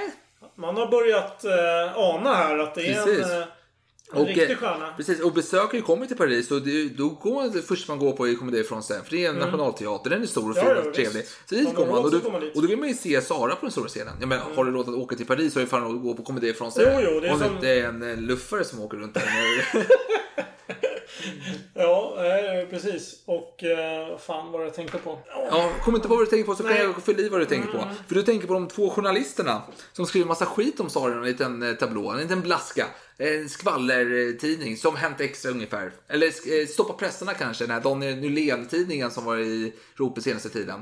Ja, en motsvarighet till det skriver lite skit om Sara. Och två diplomater blir då så jävla irriterade att de utmanar de här två journalisterna på duell. Och den blir av. Oj! Så fan. Vilken twist! Det blir av också. För det här med dueller känns det som att det är bara... Ja. Det händer mycket men det blir inte så mycket. Vad fan heter den jävla skogs, skogen i eh, Paris? Eh, ja, ja, Boulogne-skogen. Ja, precis. Där sker den och eh, Bois de Boulogne. precis och diplomaten eh, hugger ner den här journalisten och så här. Och till slut får. Så, Mm. Ja, det är en svärduell alltså. Ja, det är ingen så, pistolduell. nej, nej. Journalisten får söka vård och eh, Mm. Diplomaten ber om ursäkt till Sara lite så här artigt, gentlemannamässigt. Jag ber om ursäkt att jag såg upp för din heder och ära och sådär. Ja, men ja, du är förlåten. Ja, gå vidare. Så, det, så var det i alla fall. Men tråkiga nyheter i all skönsång här. Saras mor dog. Oj. Fan vad tråkigt. Joel dog. Men den positiva nyheten var att eh, Sara som sökte ro i sin konst, som vi vet. Hon började omge sig med ett litet entourage av konstnärer. Duktiga som dåliga. Jag kan ju passa på att säga att eh, hennes mormors syster, tror jag att det var, också hade dött. Och eh, efterlämnat pengar till henne. Ja, jo, jo, jo, jo. Hon säger det. Hon hävdar det. Ja. Den gode Sara. Eh, för det är så att, eh, ja, ja, förlåt, jag ska komma till det du är inne på, som du eftersöker här. Men vi kunde nämna att hon omger sig med konstnärer, en massa porträtt på Sara börjar dyka upp i världen nu här. Helt plötsligt. Mm. Många vill måla av henne utav hennes vän, eh, konstnärsvänner. Med tanke på det du säger här att eh, konstnärer, att hon var konstnär och man vill anlita och så vidare. Så dök det ju upp någon eh, lokalkändis, någon eh, Rothschild. Jag tror han hette eh, Adolf eller var det Alfred eller Albert eller något sånt här. Eh, dök upp. Eh, men tydligen var han ganska oattraktiv då enligt Sara. Så hon hade stora svårigheter att eh, avbilda den här... Så Rodin fick göra det istället. du Ja, tänker det, det, det, nej. Så Ja, det var en skön twist faktiskt. Vem vet? Kanske. Nej, men faktum är att hon kastade de här provexemplaren. Hon försökte tre gånger Ja. sånt här. Slängde allting i marken. Till slut så fick den här Rothschild nog då och gick därifrån. Och sen dess hade han bara varit ganska artigt kylig mot henne liksom. Okej, ja. Eh, För de brukade tydligen dela droska eller vad fan det var. Ja, ja. Det kan bara nämna innan vi går vidare till de här pengarna hon ärver. Det är att hon spelar lite pjäser. Hon är fortfarande skådespelerska hon drar ju hus. Och eh, hon ska spela i en pjäs där hon tackar nej till huvudrollen. Eh, huvudrollen är att man ska vara en ung vestal, oskuld eh, som Ja, vaktar. väktarinna av tempel liksom. Precis. Men hon vill inte spela den rollen. Hon vill spela den andra rollen som är en 80-årig blind kvinna som hugger sitt barnbarn, en vestal, i, till döds för att rädda henne från att bli levande begravd på grund av att hon hade förlorat sin oskuld. För de ska vara oskulder Mm, Precis, också. ja, då, då dör man ju. Det Ja. vet ju alla som kan sin antika Ja, grekiska historia. Nej Ja. men så är det. Ja. Eh, och en recensent blir då helt fascinerad över att Sara, för att spela blind under en halvtimme i sträck, lyckas göra så att man endast ser hennes ögonvitor. Han vet inte hur hon gjorde detta, men han var väldigt fascinerad över detta. Hon var fascinerande. Hon tackade som sagt nej till den, eh, den sköna rollen, den här vackra unga kvinnan som blir dödad dramatiskt. Det blir en lite fulare äldre tant som är, har bara ögonvitor egentligen och hugger ihjäl, som är moraliskt förkastlig. Fast ändå kanske positivt moraliskt också, för hon räddar ju sitt barnbarn, men hon mördar henne fortfarande. Det, det är ett filosofiskt dilemma helt enkelt. Men, så hon har ju många strängar på sin lyra rent konstnärligt. Hon tar ju även de här, hon blir lite en karaktärsskådespelerska. Hon, Ja. hon blir Johnny Depp, hon tar inte de här enkla rollerna, hunkrollerna. Hon tar det lite svårare. För tidigare så var hon ju... Andres Thompson till exempel. Ja, i Fear and Loading in... Oh, jävlar! Det på spelet vid. Fear and Loading in, Las Vegas tänkte jag på. Ja. Okej. Nej, för tidigare så nämner hon ju att hon eh, på något sätt ser sig som eh, offerrollen. Att hon är lite spinkig och liksom skör. Det är lite hennes grej. Ja, och att hon hon absolut inte... Hon kan ju inte spela vem som helst. Hon tycker själv att när hon blir castad felaktigt. Att hon, hon ska vara någon skurk och någon, någon annan ska vara den här sköra. Det, det funkar inte alls. Nej, men nu liksom. söker hon ju liksom de här svåra rollerna. Så att nu verkar det som att hon har utvecklats som skådespelerska. Ja. Hon kan tänka sig vad som helst nästan. Precis, men hon bodde ju på uh, i sin lilla lägenhet som var trång där hennes lilla syster dog då, när hon sov i kistan då, Sara. Och, men hon behöver bo bättre, så hon bygger sig ett hus. Med de här pengarna som hon har fått från Ja, Ar- enligt, enligt vad hon själv säger. Det är Ja. många som inte riktigt får ihop det där. Att, eh, är det verkligen så eller är det någon annan som betalar detta? Ja. Eh, och eh, hon behöver ju göra lite arbeten för att ha råd med detta bygge. Och det är ett, alltså, Hon- Hon anlitar ju sina societetsvänner. Hon har det där, eh, vad kallar man det? Hennes hov Ja, av människor. ja. Och eh, det, finns en liten anekdot i den här boken som jag kan nämna lite kort då. Eh, hur eh, det var någon släkting till henne. Jag tror att det var en fast, eh, moster blir det. Som var på besök. Mm. Och då hade hon kommit in i det här huset då som var halvt färdigbyggt. Och så hade hon sett en massa lättklädda män då som höll på att måla och greja. Och så hade hon bara blivit lite förskräckt. Bara, Åh, vad är det här? Så här, en massa karlar liksom. Eh, och sen hade hon eh, gått till eh, bords då eh, och fått äta lunch. Och så hade det suttit fem stycken så här välklädda herrar där och bugat för henne och så vidare. Och sen hade hon helt plötsligt under den här lunchen bara blivit förskräckt sagt sen men, men det är ju målarna, det är ju arbetarna! Och då, började, då ställde sig alla upp och bugade för henne.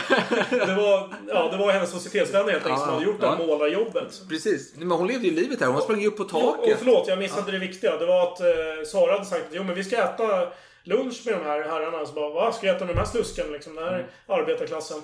Ja, så var det Och högsta konstnär. förskräckt över det. Ja, precis. Nej, men Sara hon sprang upp på tak som var ofärdigt, stod uppe, pratade med arkitekterna och arbetarna och designade saker. Och när det var klart så hade hon sina konstnärsvänner då, som fick inreda och måla taket och sådana där saker. Och det blev ju hennes nya stora intresse då, arkitektur. Just att, ja, nu håller hon på att bygga upp ett hem. Och vi har ju tidigare nämnt att när hon väl börjar med någonting, då blir hon väldigt intresserad av det. Ja. Som när hon Manisk. var i kyrkan, så var det ju kyrkan som gällde. Ja, då skulle leva hennes liv och så vidare. Och så vidare. Ja, Men du Alex, jag är lite törstig. Det- Mitt glas är tomt ja, och... eh, jag fixar det. ja, lite på. Ja, ska vi ta en liten eh, dryckespaus?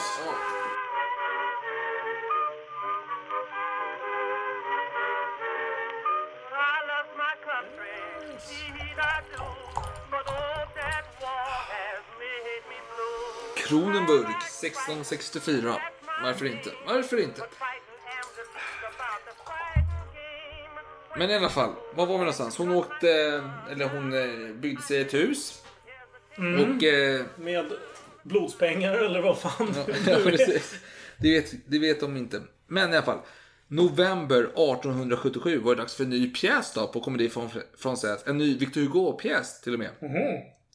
Eh, och ingen mindre än Mounier Sally var hennes motspelare. Pjäsen hette Hernani och uppfördes faktiskt första gången år 1830 på Komedi från Men då blev den... Eh, och då skrev man faktiskt i svensk press att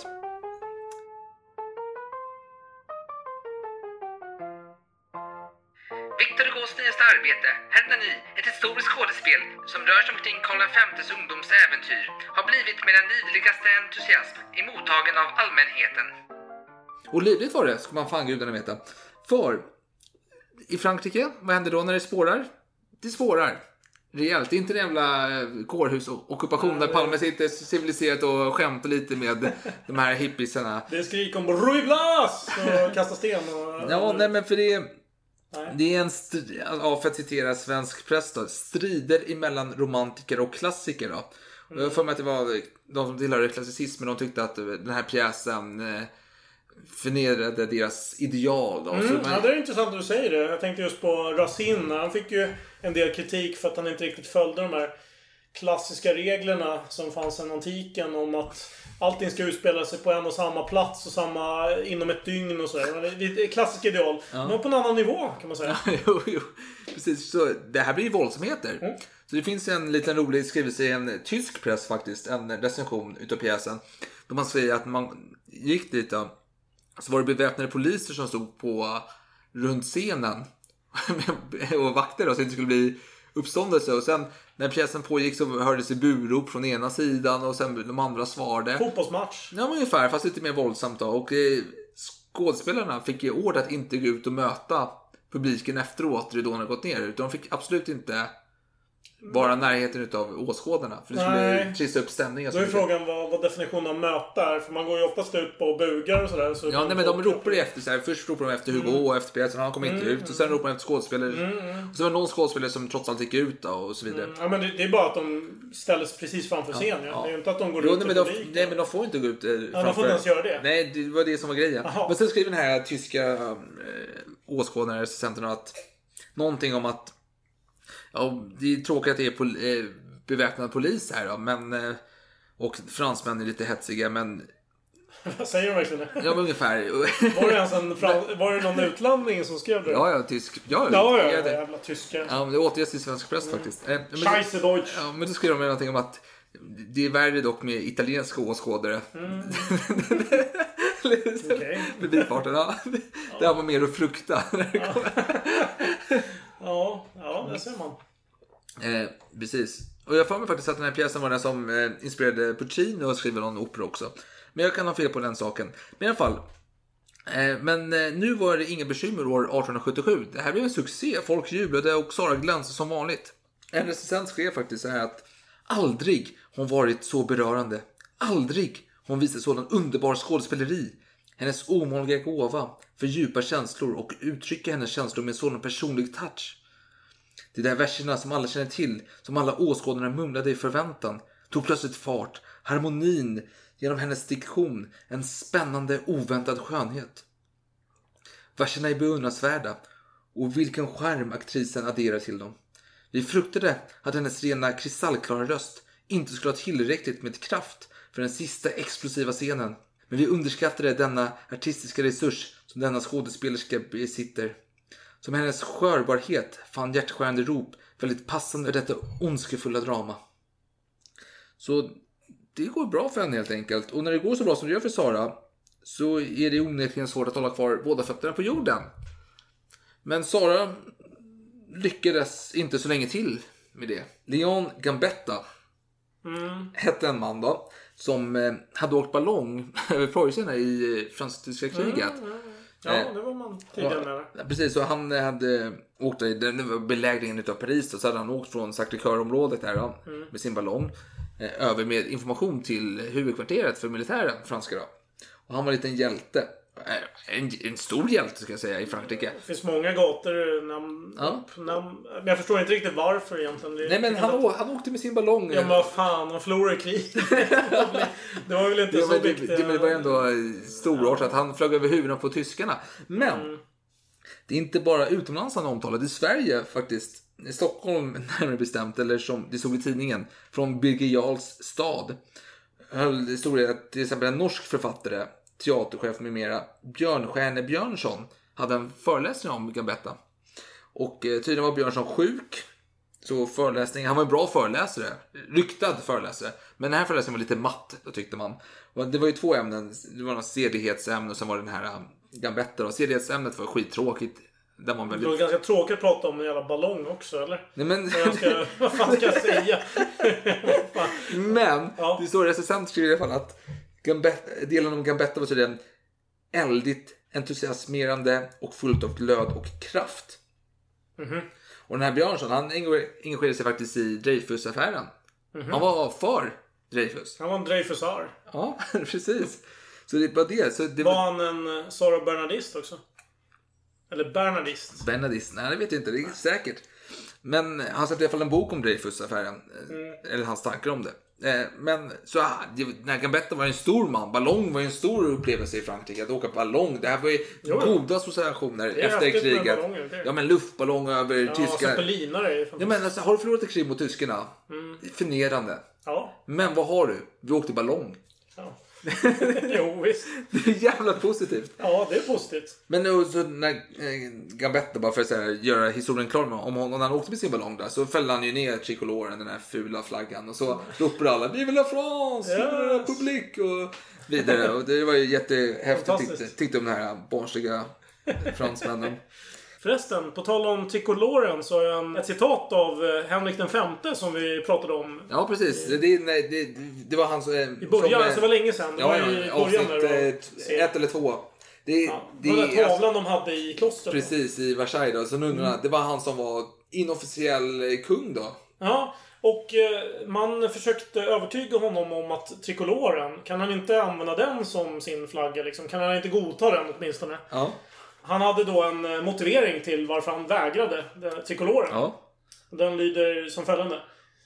Den enda uppoffringen som jag inte kan göra gäller min heder.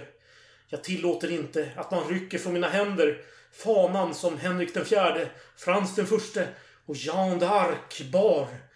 Jag tog emot den som ett heligt arvegods från den gamle kungen, min släkting. Den har alltid för mig varit en oseparabel påminnelse om det bortgångna fäderneslandet. Den flöt i min vagga och jag vill att den ska skugga min grav. ja, det där får ju... Det där är gåshud på den här. Alltså, det, ja, bra Henrik den femte. Ja, det, han, Ja. han föredrog den vita flaggan. Ja, ja, för den här fula trikoloren, ja. Fast vit flagga har inget bra rykte. inte tack vare... Sen ni upphörde med. Alltså, ni, ni, ni tog bort den officiellt och fick den inofficiellt. Men i alla fall. Vi byter ämne. Ja. Sara kände på den där Gambetta och ville eh, åka ballong. Och han sa så här, "Nej, men det är inget kvinnor att göra. Kvinnor ska vara på marken, det är vi män som åker ballong. Sara en daredevil. Ja, ja, absolut. Men Sara ger sig ju inte. Så, jag han hade en annan historia om när hon skulle ner för en klippa och sådär. Men Ja. det var ingen roligt. Det var bara att hon... hon var modig. Ja men hon utmanade och sa såhär, men gör snälla gör inte det. Jag bara, jo jag ska göra det. Jag bara, fan men då måste skriva på de här tusen kontrakten som säger att, det, att du kommer dö och att det inte är mitt fel. Hon bara, ja ja men jag vill göra det ändå. Eh, ja, jag hade inget mer. Fortsätt din berättelse snälla.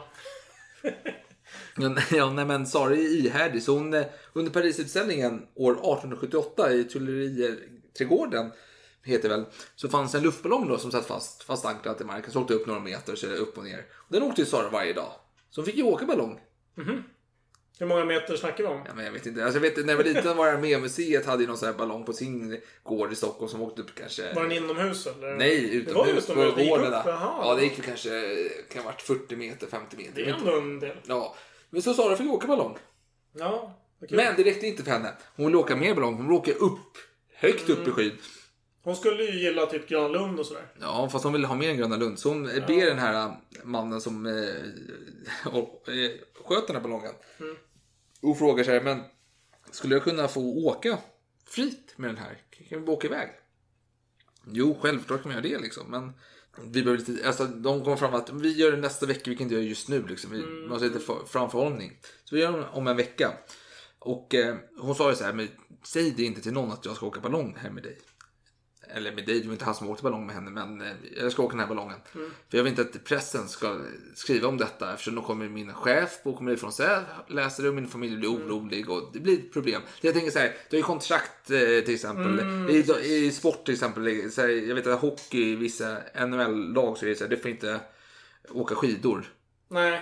För du kan, det är hög skaderisk då att Just du det. eh, får någon fraktur där. Så Mm. håll dig borta från det liksom. Ja, det är lite samma sak här. Man vill ha sina skådespelare friska. De förberedde sig inför den här ballongfärden och kom det en stor orange ballong som hette Donna Sol efter, eh, döpt efter den här Hernani-pjäsen. Hennes karaktär, en spansk eh, det, prinsessa som, som var hennes karaktär då, som de döpte den här ballongen till då. Och det hade... Döpte de en ballong efter en prinsessa? Ja, som hon hade, som Hur- hur- som var hennes karaktär. egentligen? Nej, men det var ju storslaget. Det var, det var en hyllning i alla fall. Men nu är frågan, vem ska åka med Sara i denna ballong? Det fanns en herre som hette Napoleon Joseph Charles Paul Bonaparte. Oj, som, ville för följa, som ville följa med. Men eh, Sara tyckte att han var lite för tung. Och han var, var tråkig. Vi ska komma ihåg att Sara har, har någonting emot lite runda personer. Rent generellt sett. Alltså, var inte, var inte Hugo ganska fel? Jo men, jo men han var ju en Hugo liksom. Ja, jo, han var hade ju namnet. Ja. Okej, Nej, men- nej, men- okända feta män. nej, men hon har- nej men det har vi nämnt tidigare liksom, du minns det. Vi pratade om det i själva, när hon gick i kloster. Att hon, hon hade någon form av, kan man kalla det, fobi nästan. För runda människor. Hon tyckte att, hon är rädd för det var någon som kom dit och dog. På, nej, som inte kunde andas ordentligt, som var lite rund om höften. Eh, undrar om inte Rachel också var lite rund om höften på den här tiden. Men i alla fall. Eh, och inte bara det, alltså att han var lite tung och lite klumsig. Alltså visst, du ska hoppa in i den här ballongen. Det kanske tog mycket tid för honom och tyngde ner den. Men han var otroligt tråkig eh, konversatör, säger man så? Ja, det säger man kanske. För han pratade bara skit om Napoleon den tredje som hon gillade så pass mycket. Vänta, han hette Napoleon och Bonaparte och han Ja, men han. Jerome eh, Nap- eh, Napoleon Bonaparte. Ja, men det är eh, ju brodern till... Ja, så han var ju son till... eh, Brodern. Ja, Ja, han, han, han kallas Eller för... Ja, precis. Ja, precis. Han, Eh, han, var, han var alltså brorson till Napoleon. Han han ju- kallas väl för plång eller sånt där. brorson. Vad, vad sa du va? Han kallas för, för plång-plång eller sånt där. Plång-plång. Det där säger mig någonting faktiskt. Jer- Ja, Jerome Napo- Bonaparte var ju... han, han, ju, han, han blir ju först i Tyskland i något jävla område. Mm, Och det här är hans son då. Om jag förstått det Jaha, rätt. men då är det... Vad fan, är det inte Napoleon IIIs bror i sådana fall? Nej, kusin. Släktfrid. Ja, precis. Och, och Sara uppskattar ju Napoleon den tredje väldigt mycket. Nej, men, så de fick, som fick följa med, det var hennes vän Claren och en pilot. Och Sara och Claren kom ju väldigt uppklädda. Och piloten var lite mer klädd som en pilot ska vara. De har inte sagt någonting då till sina nära och kära. Men när ballongen lyfte så var det ändå en liten folksamling runt om. Och de eh, ropar mot Sara. Så, Var försiktig, kom tillbaka! Kom tillbaka hela, låt henne inte dö! Typ, ja. Den. Dramatiskt. Ja, och sen försvann de upp i luften då. Och ballongen for iväg över Paris och när den kom över kyrkogården som inhyste Saras mor och syster då. Så kastade Sara en massa blommor, blomblad, fan det är, mot deras gravar. Lite så här symboliskt vackert, trevligt, fint. låter ju ändå lite tillrättalagt att de skulle åka precis över den här kyrkogården. Även om Paris är ju extremt stort. Alltså. Ja, men... Ja, det låter konstigt tycker jag. ja, men För då måste de ha bestämt den rutten. Åker till den här kyrkogården. Ja, men det, och är- så. det är Paris. Ja, ja, Ja. okej. fine. Sara blev ju helt till sig i den här upplevelsen. Eh, så när de kom en bra bit upp så började hon recitera massa verser från medeltiden och så här. Och så började hon sjunga med Clarin och en massa protonska folksånger tillsammans. Och det var jävla vackert tydligen. Och vid solnedgången som kom, de var uppe ganska länge här i luften.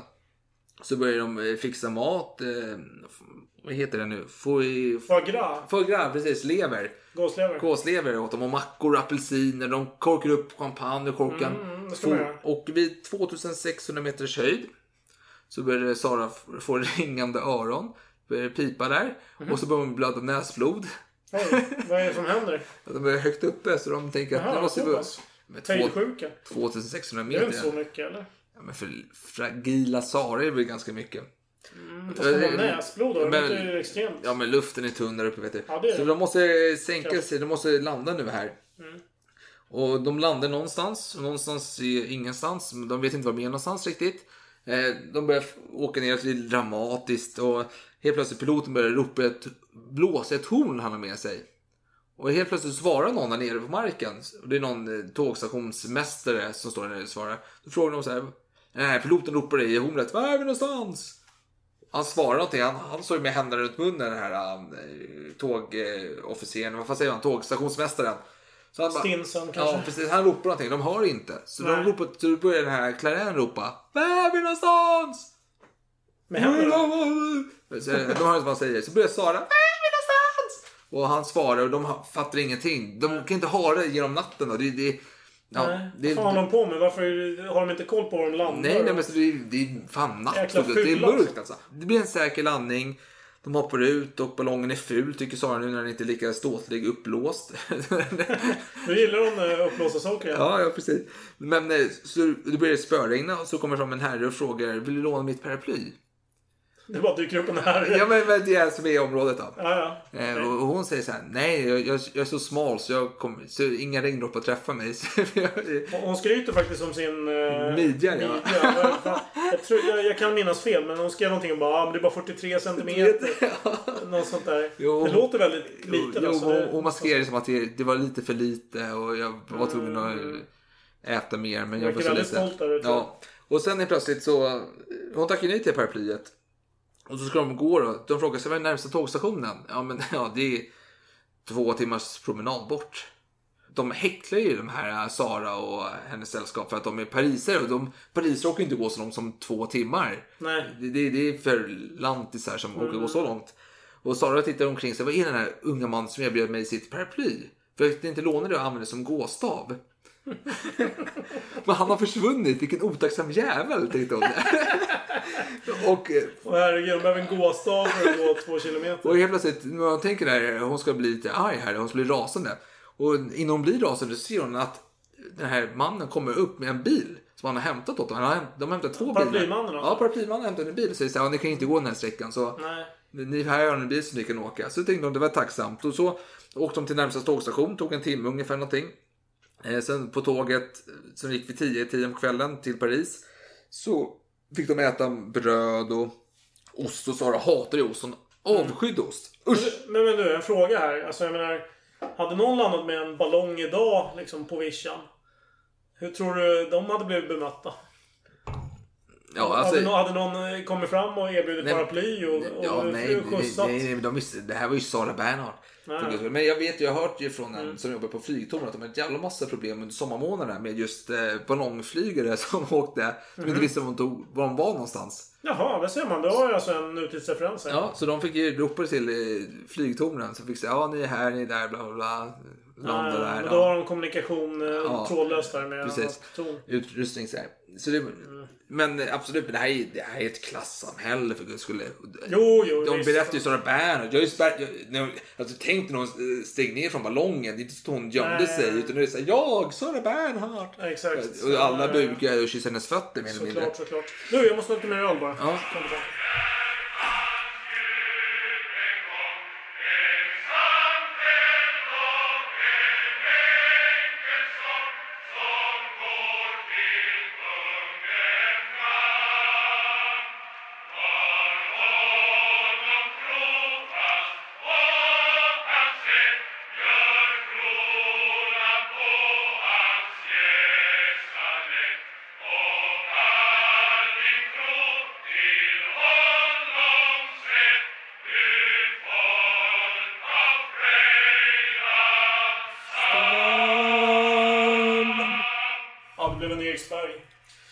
Härligt. Ja, nej men i alla fall. Jag bara nämnde det på tal om att eh, sa att Bernhardt är en diva. För efter den här eh, föreställningen, Hernani vad den hette, med Victor Hugo. Så fick hon en, ett brev eh, i eh, logen där. Där han har skrivit så här, du berörde denna stora poet, alltså han själv då, till tårar. Du berörde. Han ska han prata om sig själv i tredje person och ge sig själv smicker. Det är fantastiskt. Jag, jag måste låna det är det. franskt. Jo, Det låter lite som Hercule faktiskt. men ja. Nej, men, och så, så här, du, jag, jag, föll- en tår och eh, jag placerade den här tåren vid din fot. Eller vid dina fötter. Och så har jag lagt in en, ett halsband med en diamantdroppe. Som hon höll. Och den tappade hon på en fest hos någon rik herre. Och den här rika herren ville ersätta henne för det här halsbandet. Hon tackade nej för det var ju inte Victor Hugos tår. Ja, i alla fall återigen till ballongfärden. Men vadå, tackade hon nej till pengar alltså? Eller vad? Nej, men hon tackade nej till en- att han ville ersätta henne för den. Ja, men... Men det var, det var hade inte samma värde när det inte är Victor Hugos eh, Nej, nej, nej, tår. men hon vill ha pengar. Någonting. Men vadå, var det hon som tappade den på fyllan? Mm. Okej, Vad, hon hon hade gjorde ändå för, den. vad hon gjorde för aktivitet som gjorde att hon tappade den? Jo, jag bara tänkte här Jag har kanske hon... eh, dansade i kongas, fan vet Här har hon jag. sätt att få cash. Eh, Konga heter det. Kom, ja. Nej, skitsamma. Hon kanske inte var så girig. Trots allt. Nej men det var ju eh, famous. Hon var ju känd. Hon var ju... Just det, hon har precis. Hon har levlat här lite. Ja, det får man säga. Mm. Men i alla fall, de kom tillbaka från ballongfärjan, tog eh, tåget, hon åt ost, eller hon åt inte ost, hon smakade osten. Hon Mm. avskydde ost, men det är just den här biten var lite, helt okej, hon var ursvulten. Hon, Mm. hon har åkt bilen en timme, tänk bara på det. Oj, en Det var en timme som hon åt gåslever och landade där. Ja, ja. Jesus. Apelsin, de åt ju bröd också till gåslevern och apelsin och champagne. Men sen landade de och då tog det över en timme att komma till tågstationen och vänta på tåget. Då Det blir var man, dåligt väder. Du snackade om att det det regnade. regnade, och- ja men då blir man på dåligt humör när det regnar. Men man Solen skiner inte över henne varje dag om vi säger så. Men i alla fall, när hon kom tillbaka till Paris mitt i natten, la sig, fick ett brev från att Perrin var hennes chef, Mm, ville träffa henne. Hon tänkte kanske ska jag få lite smicker. Nej, jag skulle bli örfilad Hon skulle örfilas ballong. som i helvete. Han var ras, han drog sig i håret det var ilska. Oj, jag gjorde en eh, sån här Matador ja. Ferdinand-grej. Det är så jag, jag föreställer mig det i alla fall. Mm. Och, eh, för hon hade ju då brutit mot Comédie Française-regeln som var att man inte fick lämna Paris utan tillstånd från direktörerna eller kommittén då. För Mm. det finns en kommitté på Comédie, Comédie Française. Det är en kommitté som tar beslut här och de har kommit fram att man får inte resa utanför Det Paris låter gränser. lite strikt tycker jag. Man inte får det ens det. röra sig utanför stan. Så, ja, men måste tillstånd. Så, Mm. hon skulle böta. Okej. Och Sara skrattade per en i ansiktet. Ja, nej fan. Jag, ska det vara så så. Det här var en tråkig diskussion. Det här är skittråkigt. Jag säger upp mig om det ska vara så. Jaha, oj. Hon, eh, hon sätter hår- hårt mot hårt. Och alltså. på den bara, nej men självklart ska jag inte göra det för hon drar ju publik här. Alltså Mm. nu skriver hon omnämns ju i Nu, press. nu är hon i maktposition. Mm. Det var hon ju inte tidigare. Precis, så han säger så nej men vi... vi Fast Perrat tar ju inte skit heller. Nej men vi struntar i den här... äh, Han drar streck över ändå. Ja, Han ser ja. ändå pengarna. Han Ja, vill ja. inte liksom... Det är ändå intressant. Jag tycker per, jag, den uppfattning jag får från självbiografin är att Per Ann är en otroligt auktoritär man som måste smickras i alla lägen. Det går absolut Jo, inte men att det ska med honom. nämnas att det som skrivs i hennes biografi skiljer mot lite andra historier om, om hur saker utspelar sig. Så det kanske finns något mellanläge där som kanske är korrekt. Jag vet inte. Men Sara hon kan ju därmed kapitalisera på situationer. Så hon ger ut en bok faktiskt om hennes eh, luftballongsfärd. Där hon skriver, alltså lite skämtsamt då. Om sig som eh, den här händelsen. Och eh, det skrevs ju väldigt mycket om Sara på den här tiden i skvallerpress. Och det var extremer utan dess like om att eh, ja, hon förrådde katter och hundar. Och så. här. Vet, makabert. Mycket makabert. så här. Hemskt, hemskt. Ja, så då hon skrev ju så här i boken att den här huvudrollsinnehavaren som brukade spela krocket med eh, dödskallar iklädda Ludvig XIVs peruker och bla bla. Och, hon skämtade om det. Hon drog det till sin extrem då. Och då tänker lite på den här Romeo och kistan trots allt. Kanske fanns någon sanning där. Jag skulle säga Romeo minns jag inte riktigt. Men... Nekrofilen. Ja, ja, ja. Han hette Romeo. Så var det. Just det. Ja, jo. Nej, det är ju makabert. Ja, men så kanske fanns någon, ja, jag vet inte om det är någon Men sanning. var, jag börjar ju liksom fundera i de tankebanorna att hon söker de här stationerna för att hon vet att hon kan få ut någonting av det i Ja. efterhand. Liksom. Hon kan skriva om det, hon kan Jo. göra en stor grej av det. Ja. Hon kan se till att fotografera sig vid de här... eh, Alltså hon, hon gör stories. Hon är en eh, influencer. Ja men, ja, men det är hon som skapar själva kistsituationen. Ja. Jag tänker hon låter sig fotograferas och sprida fotona vid hennes Precis, kistan föreställningar. är en sak. Men sen har vi även när hon är i Bretagne. Att hon låter sig firas ner 30 meter eller vad fan det var. Ner för något så här farligt stup. Och hon tycker att hon ser massa ögon där inne. Hon berättar en massa om det. Och sen gör hon, skapar hon den här turistattraktionen med den här sitsen i Ja, men hon, berget. men och... hon är som en blandning mellan en influencer och eh, Herman Lindqvist. Ja, det kan man ju säga. Ja. Men i alla fall, 1879 är vi inne i och eh, Comedy Français har öppet året runt, men inte detta år. De stänger under juni-juli för man måste renovera denna byggnad. Men pengar måste rulla in för Perren. Mm. Det är inte helt gratis att stänga ner. Du har ju en ensemble. Du Ja, har pension har du ju Ja, du måste betala massa jävla pengar överallt och du ska renovera saker. Mm. Och då får han kontakt med några britter som vill eh, hyra in denna kända ensemble. Mm. Kommer det från här, att åka över till England då och eh, Ja. skådespela. Kör lite musikaler där borta. Ja, precis. Nej, men så, mellan den 2 juni och den 12 juli så ska de uppträda i London helt enkelt. Kommer jag ifrån sig. Man höll på att arbeta fram ett eh, program och eh, man valde att sätta Sara på bänken på premiärkvällen.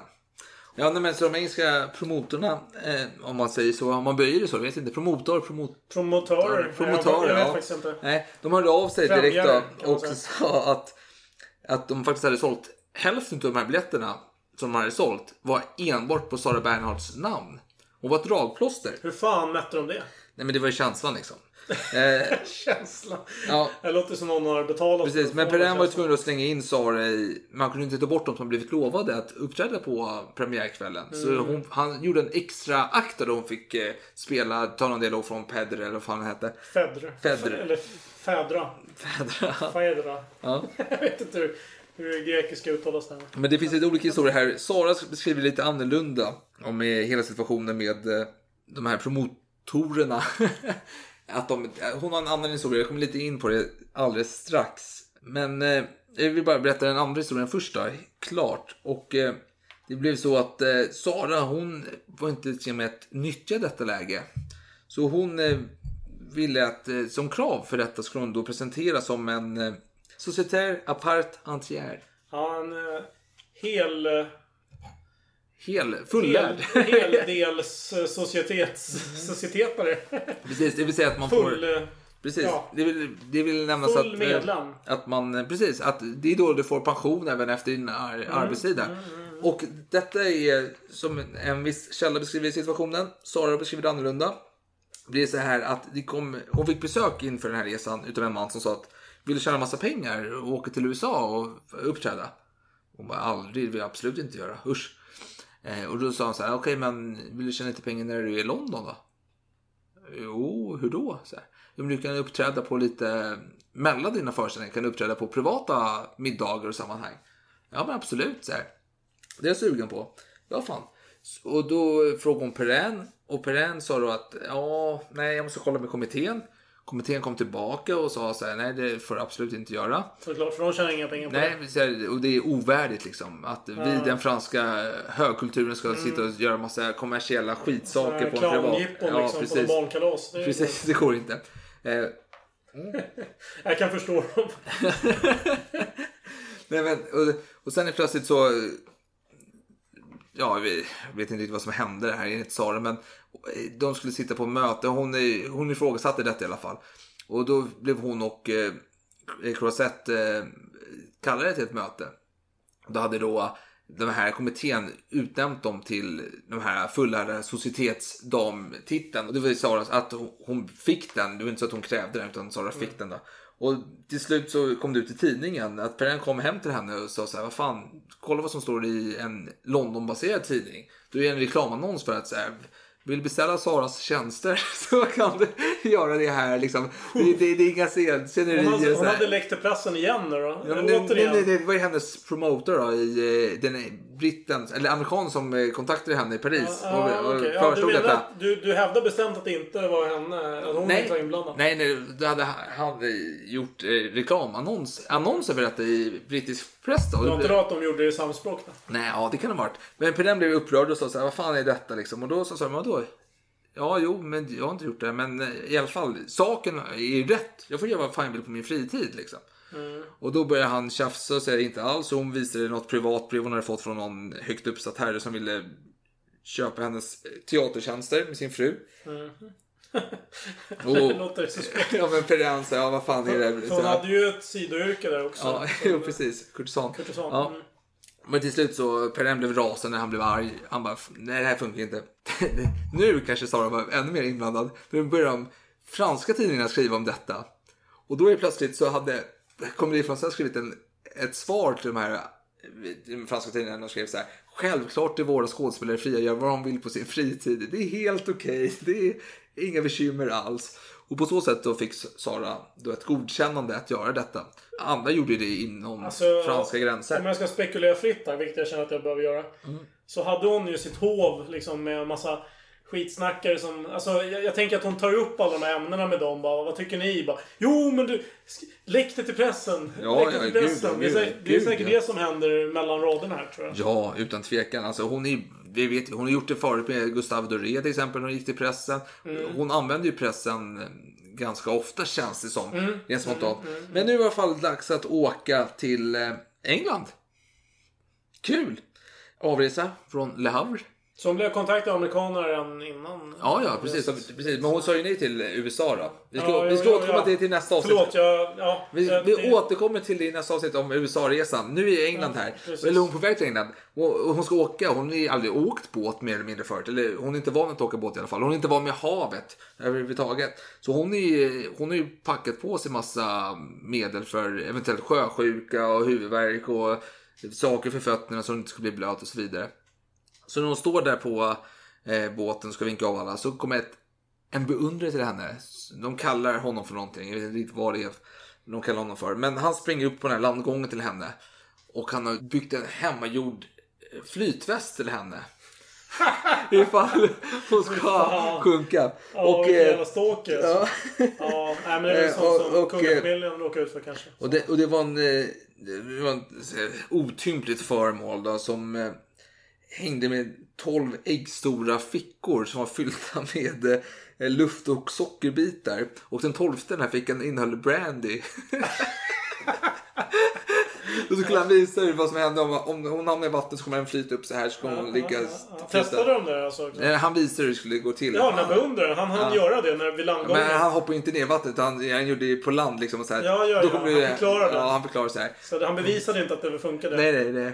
Och Sara tackar och börjar fnittra på sitt eh, sätt, speciella sätt Mm. och tackar så mycket. Och sen sprang han iväg till land igen. Och då sa hon till sin betjänta så här, så fort båten kommer ur syne så slänger vi den över kanten. De åker båt och de kommer fram till England. Och eh, när de kom eh, fram på andra sidan kanalen så mötte de tusentals människor. Som hurrade och ropade. Comédie français! Vive comédie français! Det här låter ju som några som franska Nej, ambassaden har nej, de, de, in. nej, nej, nej, de skrek inte alls så. Jag ljög. Nej, De skrek, gjorde inte det. Nej. vi vill Sarah Bernhardt skrek de och... Eller vi vill la, la Sarah Bernhardt. Bernhardt, vad säger man? Mm, vi, vivla Sarah Bernhardt. Ja. Det låter konstigt att säga så, men ja, ja. ja men de, de, ropar... Ja, men Det är väl korrekt i alla fall. De ropar eh, länge leve Sarah Bernhardt och så vidare. Och Mm. eh, Sarah blev helt... Eh, wow, vad händer? Ropar de på mig liksom och folk kastar liljor mot henne när hon steg av där och hon vågade inte gå på de här fina blommorna men folk bakom knuffade henne framåt för det var ju många som skulle av den här båten och hennes kollegor till exempel de var ju lite bittra och sura över detta så de knuffade fram henne här. Gå på, gå på, gå på. En av personerna i Folksamlingen som hurrade och ropade länge leve Sara Bernhardt.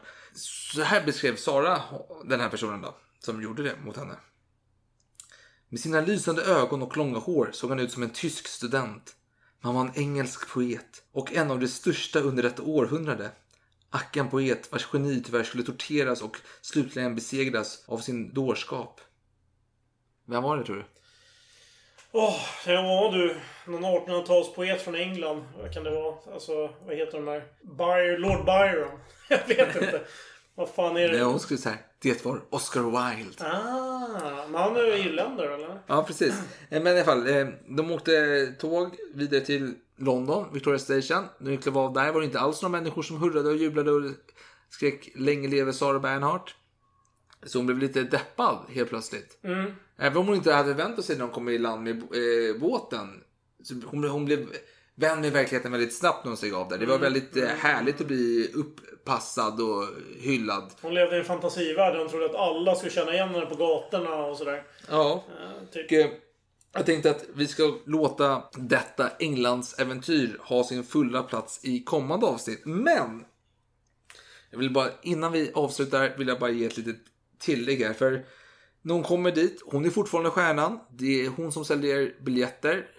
Eh, Jag tror att hon sålde... Fast det brukar inte vara stjärnorna som säljer biljetter. Det brukar ju vara underhuggare. jo, men det är hon som lockar folk dit. Ja, ja. De sålde ja, mycket här, mycket, mycket, mycket, mycket pengar sålde de här för här, här i England. Och eh, på en dag så hade hon till exempel 37 journalister som intervjuade henne. Och eh, i, det finns en svensk journalist var på plats någon av de här dagarna under det här månadsuppehållet där de var där i London. Och skrev för Nya Dagligt Allehanda år 1877 den 9 juli. Och då är det en intervju med Sara då.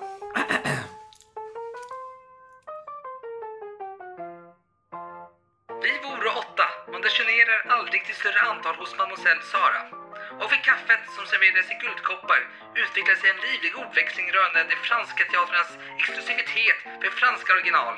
De flesta försvarade saken, men Sara Bernhardt hörde icke till dessa. Det är rent av en skam att vi aldrig spelar Shakespeare, förklarar hon. Hela saken har sin grund i den enorma franska egenkärleken. För Hava så svårt att fatta att vi kunde lära oss någonting av andra nationer. Men innan vi kommer underfund med det skulle vår bildning alltid bliva ofullständig. Överhuvudtaget kan man säga att Sara Bernhardt, åtminstone inom Paris artistvärld, är den egendomligaste företeelsen. Ifrån en barndom i de bedrövligaste förhållandena trädde hon ut i världen utan kunskaper, utan penningar och utan vänner och gjorde sin karriär bisarr, briljant och så småningom framgående till den position och den bildningsgrad hon nu innehar. Vad Saras yttre beträffar så beskrev det förra året och därom inte vidare att tillägga än att hennes hår som då var svart i år är brunt. Jag meddelade henne denna anmärkning och sade att jag skrivit att hon var svarthårig och var förargad över mitt misstag. Men hur du kan ta er för att vilja säga färgen på en Parisdams hår utbrast hon skrattades. Det hör till porträttet, förklarade jag. Men kom sen roll. I så fall får ni skriva en ny rapport för varje år. Och vad betyder då med komset roll? Men som att det är lustigt, eller? Det var, Men men var lustigt. Ja, men var precis. lustigt. Så lät det i svensk press i alla fall. Han hette Mattis som gjorde den här intervjun. Eh, men prinsen av Wales, Edvard den sjunde, sedermera, alltså prinsen av Wales är kronprins då. Mm, mm, mm, mm. Han var i England, han var förtjust i Sara. Ja, han var ju brittisk tronföljare. Ja. Det låter rimligt att han är i England. Ja, jo, men han var ju där när Ja, detta ja. skedde. ja så pass. Men var de mer än bara vänner? Det tvivlar jag på. Nej, ja, han, han var ju gift förvisso och hans fru var ju väldigt För till och med förtjust. Oscar II var väl eh, lite sugen på att lära känna Sara, var det så? Jo, det är de flesta var väl det. Men eh, han, eh, Edvard den, alltså prinsen av Wales, Edvard den sjunde och hans, eller sedermera Edvard den sjunde och hans fru hade, var väldigt förtjusta i Sara. Men, som en liten teaser inför kommande avsnitt, så vill jag bara citera ett brev Sara skrev då. För hon skulle ha repetition dagen efteråt. Och hon kom hem sent. Mm. Vem skriver hon brevet till? Eh, alltså eh, chefen för eh, Comedy Française. Ah, är, nej, inte Perrin utan eh, Gott. eh. Eller Gott, Gott, Gott, Gott. Eh, men, eh, Det är någon annan lirare. Ja, jag vet inte Perrin, men, men, Perrin. han var med i kommittén i alla fall Ja, för ja. eh, Comedy Française. Okej. Skriver hon så här.